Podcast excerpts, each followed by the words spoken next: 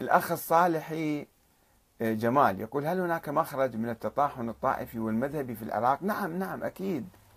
أكيد المخرج موجود حاليا. يعني أنت أترك الغلاة والمتطرفين والدواعش مثلا آه، الآن الشعب العراقي يعيش في وحدة.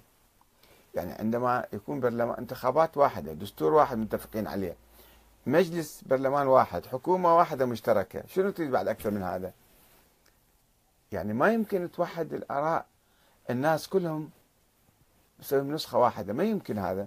حتى في داخل السنة وفي داخل الشيعة كل واحد عنده أحزاب عديدة موجودين صحيح أم لا؟ فكل حزب عنده رؤية وعنده خط وعنده اتجاه وعنده فكر معين. ما يمكن أنت تلاحق الناس بأفكارهم الدقيقة.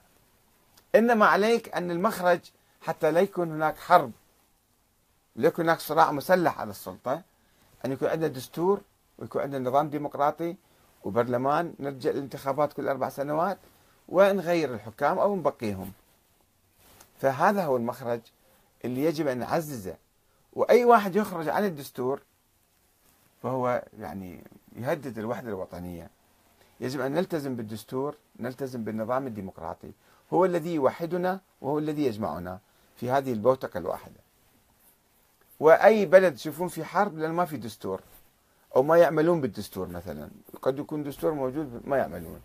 والبلاد اللي ما بيها دساتير هي مهددة بتفجرها من الداخل بأن الناس ينشقون دائما عن الحكومة ويحاربوها ويخرجون عليها ويصير ثورات ويصير انقلابات دائما.